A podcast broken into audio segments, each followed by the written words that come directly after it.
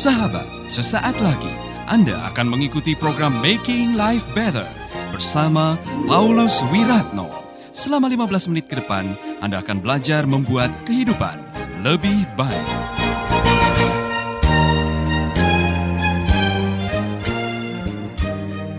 Cara hidup yang paling berkenan di hadapan Tuhan adalah hidup dengan iman. Amin. Mengapa hidup dengan iman selalu berkenan? Karena ada ayat, tanpa iman tidak mungkin kita berkenan kepada Allah. Jadi cara satu-satunya untuk hidup berkenan kepada Tuhan adalah hidup di dalam iman. Pada waktu kita hidup di dalam iman, kita sedang memposisikan diri hidup bergantung sepenuhnya kepada Tuhan. Di situlah kasih karunia mengalir. Amin. Satu kalimat yang menarik. Kalimat itu mengatakan, sebab kuasaku justru paling kuat di eh, paling kuat kalau kau dalam keadaan lemah. Itu sebabnya saya lebih senang membanggakan kelemahan-kelemahan saya. Sebab apabila saya lemah, maka justru pada waktu itulah saya merasakan Kristus melindungi saya dengan kekuatannya. My strength comes into its own in your weakness. My strength di dalam terjemahan The Message dibilang kuasaku, kekuatanku kekuatanku nyata ketika engkau dalam kelemahan. Saudara mau melihat kuasa Tuhan bekerja? Bergantunglah kepadanya. Saudara mau melihat kasih karunia Tuhan bekerja? Belajarlah memposisikan diri untuk selalu bergantung kepadanya. Maka diberkatilah orang yang mengandalkan Tuhan. Saudara-saudara ada yang mengatakan kasih karunia memenuhi kebutuhan. Kasih karunia dapat memenuhi kebutuhan Paulus karena selalu tersedia. Kasih karuniaku cukup bagimu. Kasih karuniaku. Kasih karunia siapa? Tuhan Yesus. Saudara-saudara kasih karunia Tuhan Yesus cukup. Saudara tahu arti kata cukup? tidak akan pernah berkesudahan. Apa pun pergumulan hidup saudara yang saudara anggap di luar nalar, tidak mampu diselesaikan, rasanya tidak mungkin dokter angkat tangan, manusia mengatakan mustahil, Yesus mengatakan cukup. Kasih karuniaku cukup. Artinya apa? Di dalam kasih karunia Tuhan, di dalam kuasa Tuhan, di dalam kekuatan Tuhan, tidak ada istilah yang tidak bisa diselesaikan oleh Tuhan. Saya mau tanya kepada saudara, apa yang saudara anggap tidak mungkin? Tidak mungkin. Apa yang saudara anggap tidak mungkin sekarang dalam hidup saudara? Oh Pak, saya sudah sakit 38 tahun, sudah berdoa belum ada pertolongan Tuhan. Yesus datang kepada orang yang sakit 38 tahun dan mengajukan pertanyaan, maukah engkau sembuh? Dan Yesus menyembuhkan. Yesus memberikan kuasanya kepada wanita yang menderita pendarahan 12 tahun. 12 tahun. Apa yang terjadi dengan 12 tahun, saudara-saudara? Ketika saudara sakit pendarahan 12 tahun, mungkin ada yang mengatakan kanker rahim, ada yang mengatakan saudara-saudara mungkin menderita kista, apa pun juga namanya, 12 tahun. Hartanya habis, semua sudah dijual. Saya bisa membayangkan mungkin sawah, sapi, semua habis Penyakitnya tidak malah tambah baik tapi tambah buruk. Tetapi dia beriman. Nah dengar baik-baik. Iman itulah yang menggerakkan kasih dan kuasa Tuhan bekerja dalam diri orang ini. Karena dia mengucapkan, asalku jamah ujung jubahnya, aku akan sembuh. Dia bilang apa saudara-saudara? Ada yang menafsirkan ini iman wanita ini adalah iman kepepet. Ya, sudah terjepit, tidak bisa apa-apa lagi. Ada waktu dalam hidup Anda, Anda akan diizinkan habis-habisan seperti wanita ini, sampai pada akhirnya Anda berkiblat kepada kuasa Tuhan.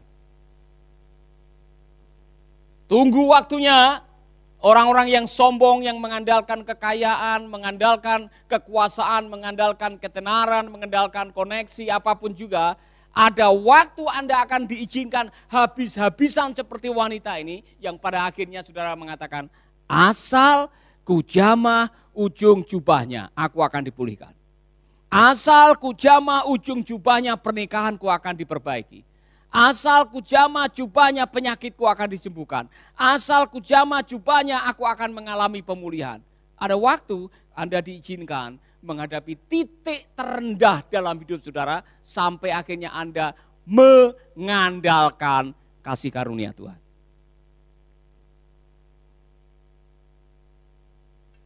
Kabar baik, Yohanes 1 ayat 16.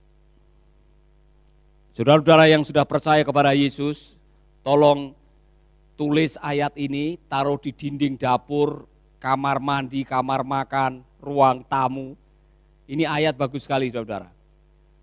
Kalau saudara bisa membaca Yohanes pasal 1 ayat 16, saudara akan menemukan kebenaran yang bunyinya seperti ini. We all live of his generous bounty. Give after, after gift, after gift, after gift dalam terjemahan The Message. Dalam terjemahan Alkitab saudara, dari kepenuhan Kristus. Kita berhak menerima apa di situ? Kasih karunia demi kasih karunia demi kasih karunia. Saudara-saudara, kalau saudara memahami logikanya bahwa Kristus adalah kepenuhan Allah, di dalam Kristus ada seluruh kepenuhan Allah, termasuk kasih Allah, termasuk karunia Allah, termasuk belas kasihan Allah, ada di dalam Kristus. Maka kita semua yang mengandalkan Kristus out of his fullness we have the right to receive grace upon grace upon grace. Dari kasih karunia eh, dari kepenuhan Kristus saudara dan saya berhak menerima kasih karunia demi kasih karunia demi kasih karunia dalam terjemahan bahasa Yunaninya itu tidak habis-habisnya jadi saudara punya hak untuk mengalami kasih karunia Allah, kasih karunia Kristus setiap hari. Amin. Ada yang sedang berdoa untuk sembuh dan sudah berdoa, berdoa, berdoa, berdoa belum sembuh-sembuh, minta kasih karunia Tuhan supaya Tuhan memampukan saudara menghadapi penyakit itu. Amin. Anda masih bersama Paulus Wiratno di Making Life Better.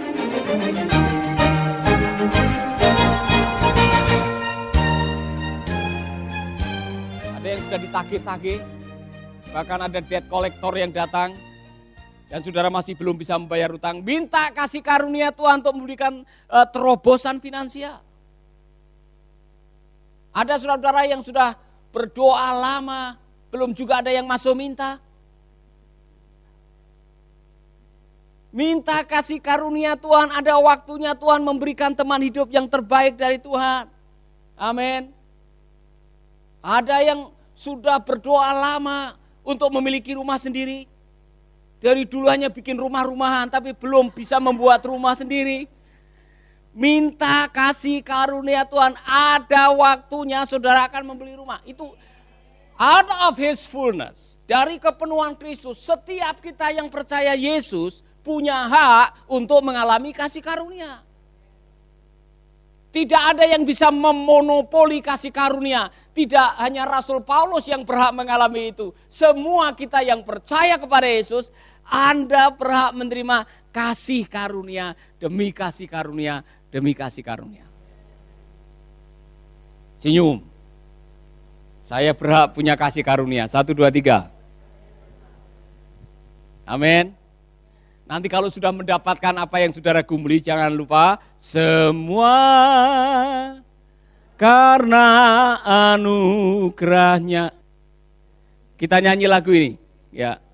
Diberikan kepada kita. Saudara-saudara, saya tidak tahu situasi saudara, tapi kalau saudara dalam situasi terjepit, saudara sedang bergumul karena kelemahan, saudara sedang bergumul karena kekurangan, saudara menghadapi situasi yang sulit, saudara sedang maju kena, mundur kena, saudara tidak tahu apa yang harus saudara lakukan. Saat ini, posisikan dirimu di dalam kasih karunia ilahi. Artinya apa? Rendahkan dirimu di hadapan Tuhan, berperilaku sebagai orang yang seolah-olah, bukan seolah-olah, memang tidak punya apa-apa. Saudara tidak bisa menyelesaikan apa-apa. Saudara hanya bisa mengandalkan Tuhan. Nyanyikan lagu ini, taruh tanganmu di dada, saya akan berdoa. Tuhan akan menjawab persoalan saudara. Semua karena anugerahnya. Amin, amin, amin. Diberikan kepada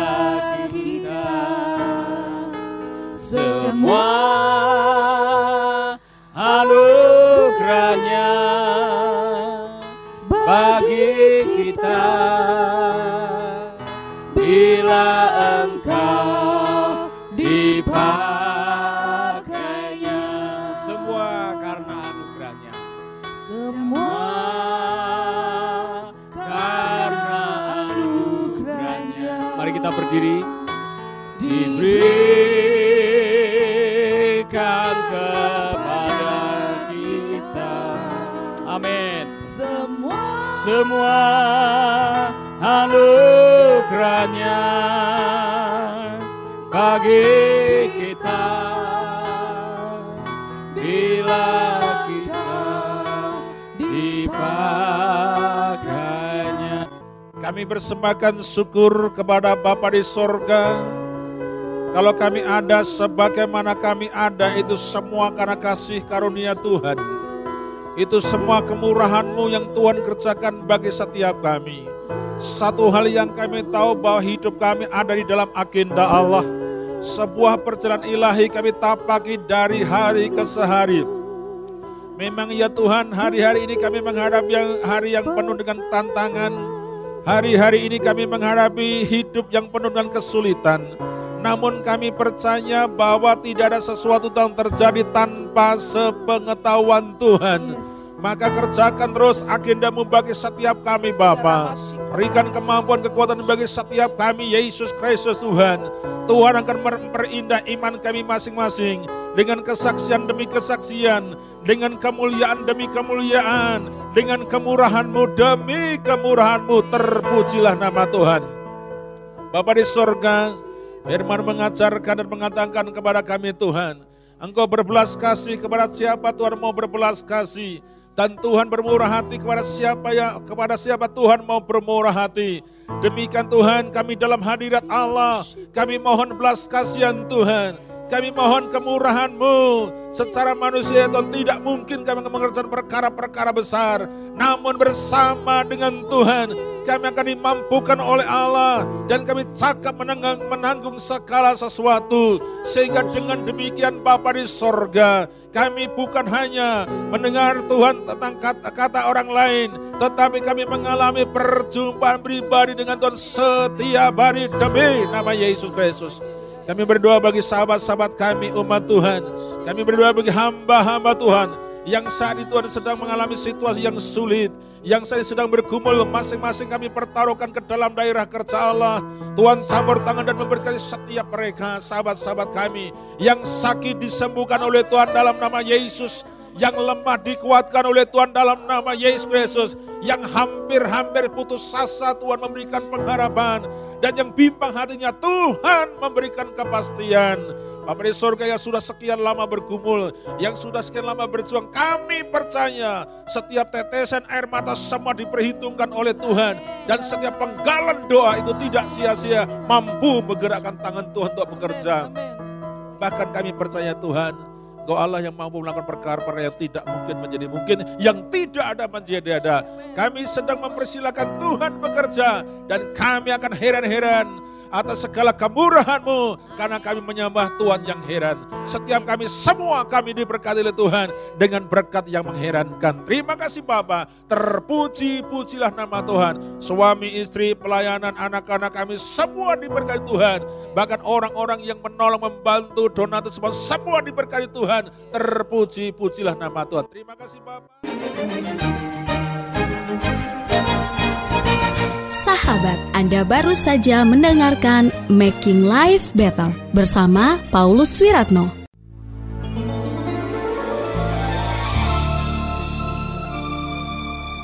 Keluarga Gracia, biarlah firman Tuhan selalu menjadi pelita dalam hidup kita sepanjang tahun ini. Dengarkan selalu radio Suara Gracia di 95,9 FM, streaming di suaragratiafm.com streaming atau dengan aplikasi Android Radio Suara Gratia yang tersedia di Play Store. Jika Anda diberkati oleh siaran suara Gracia FM dan mengalami kuasa mujizat Tuhan, mari menjadi berkat dengan mengirimkan kesaksian ke WhatsApp Radio Suara Gracia FM di 0817 222959. Biarlah melalui kesaksian Anda, banyak jiwa dikuatkan dan dibangkitkan kembali imannya. Tuhan memberkati.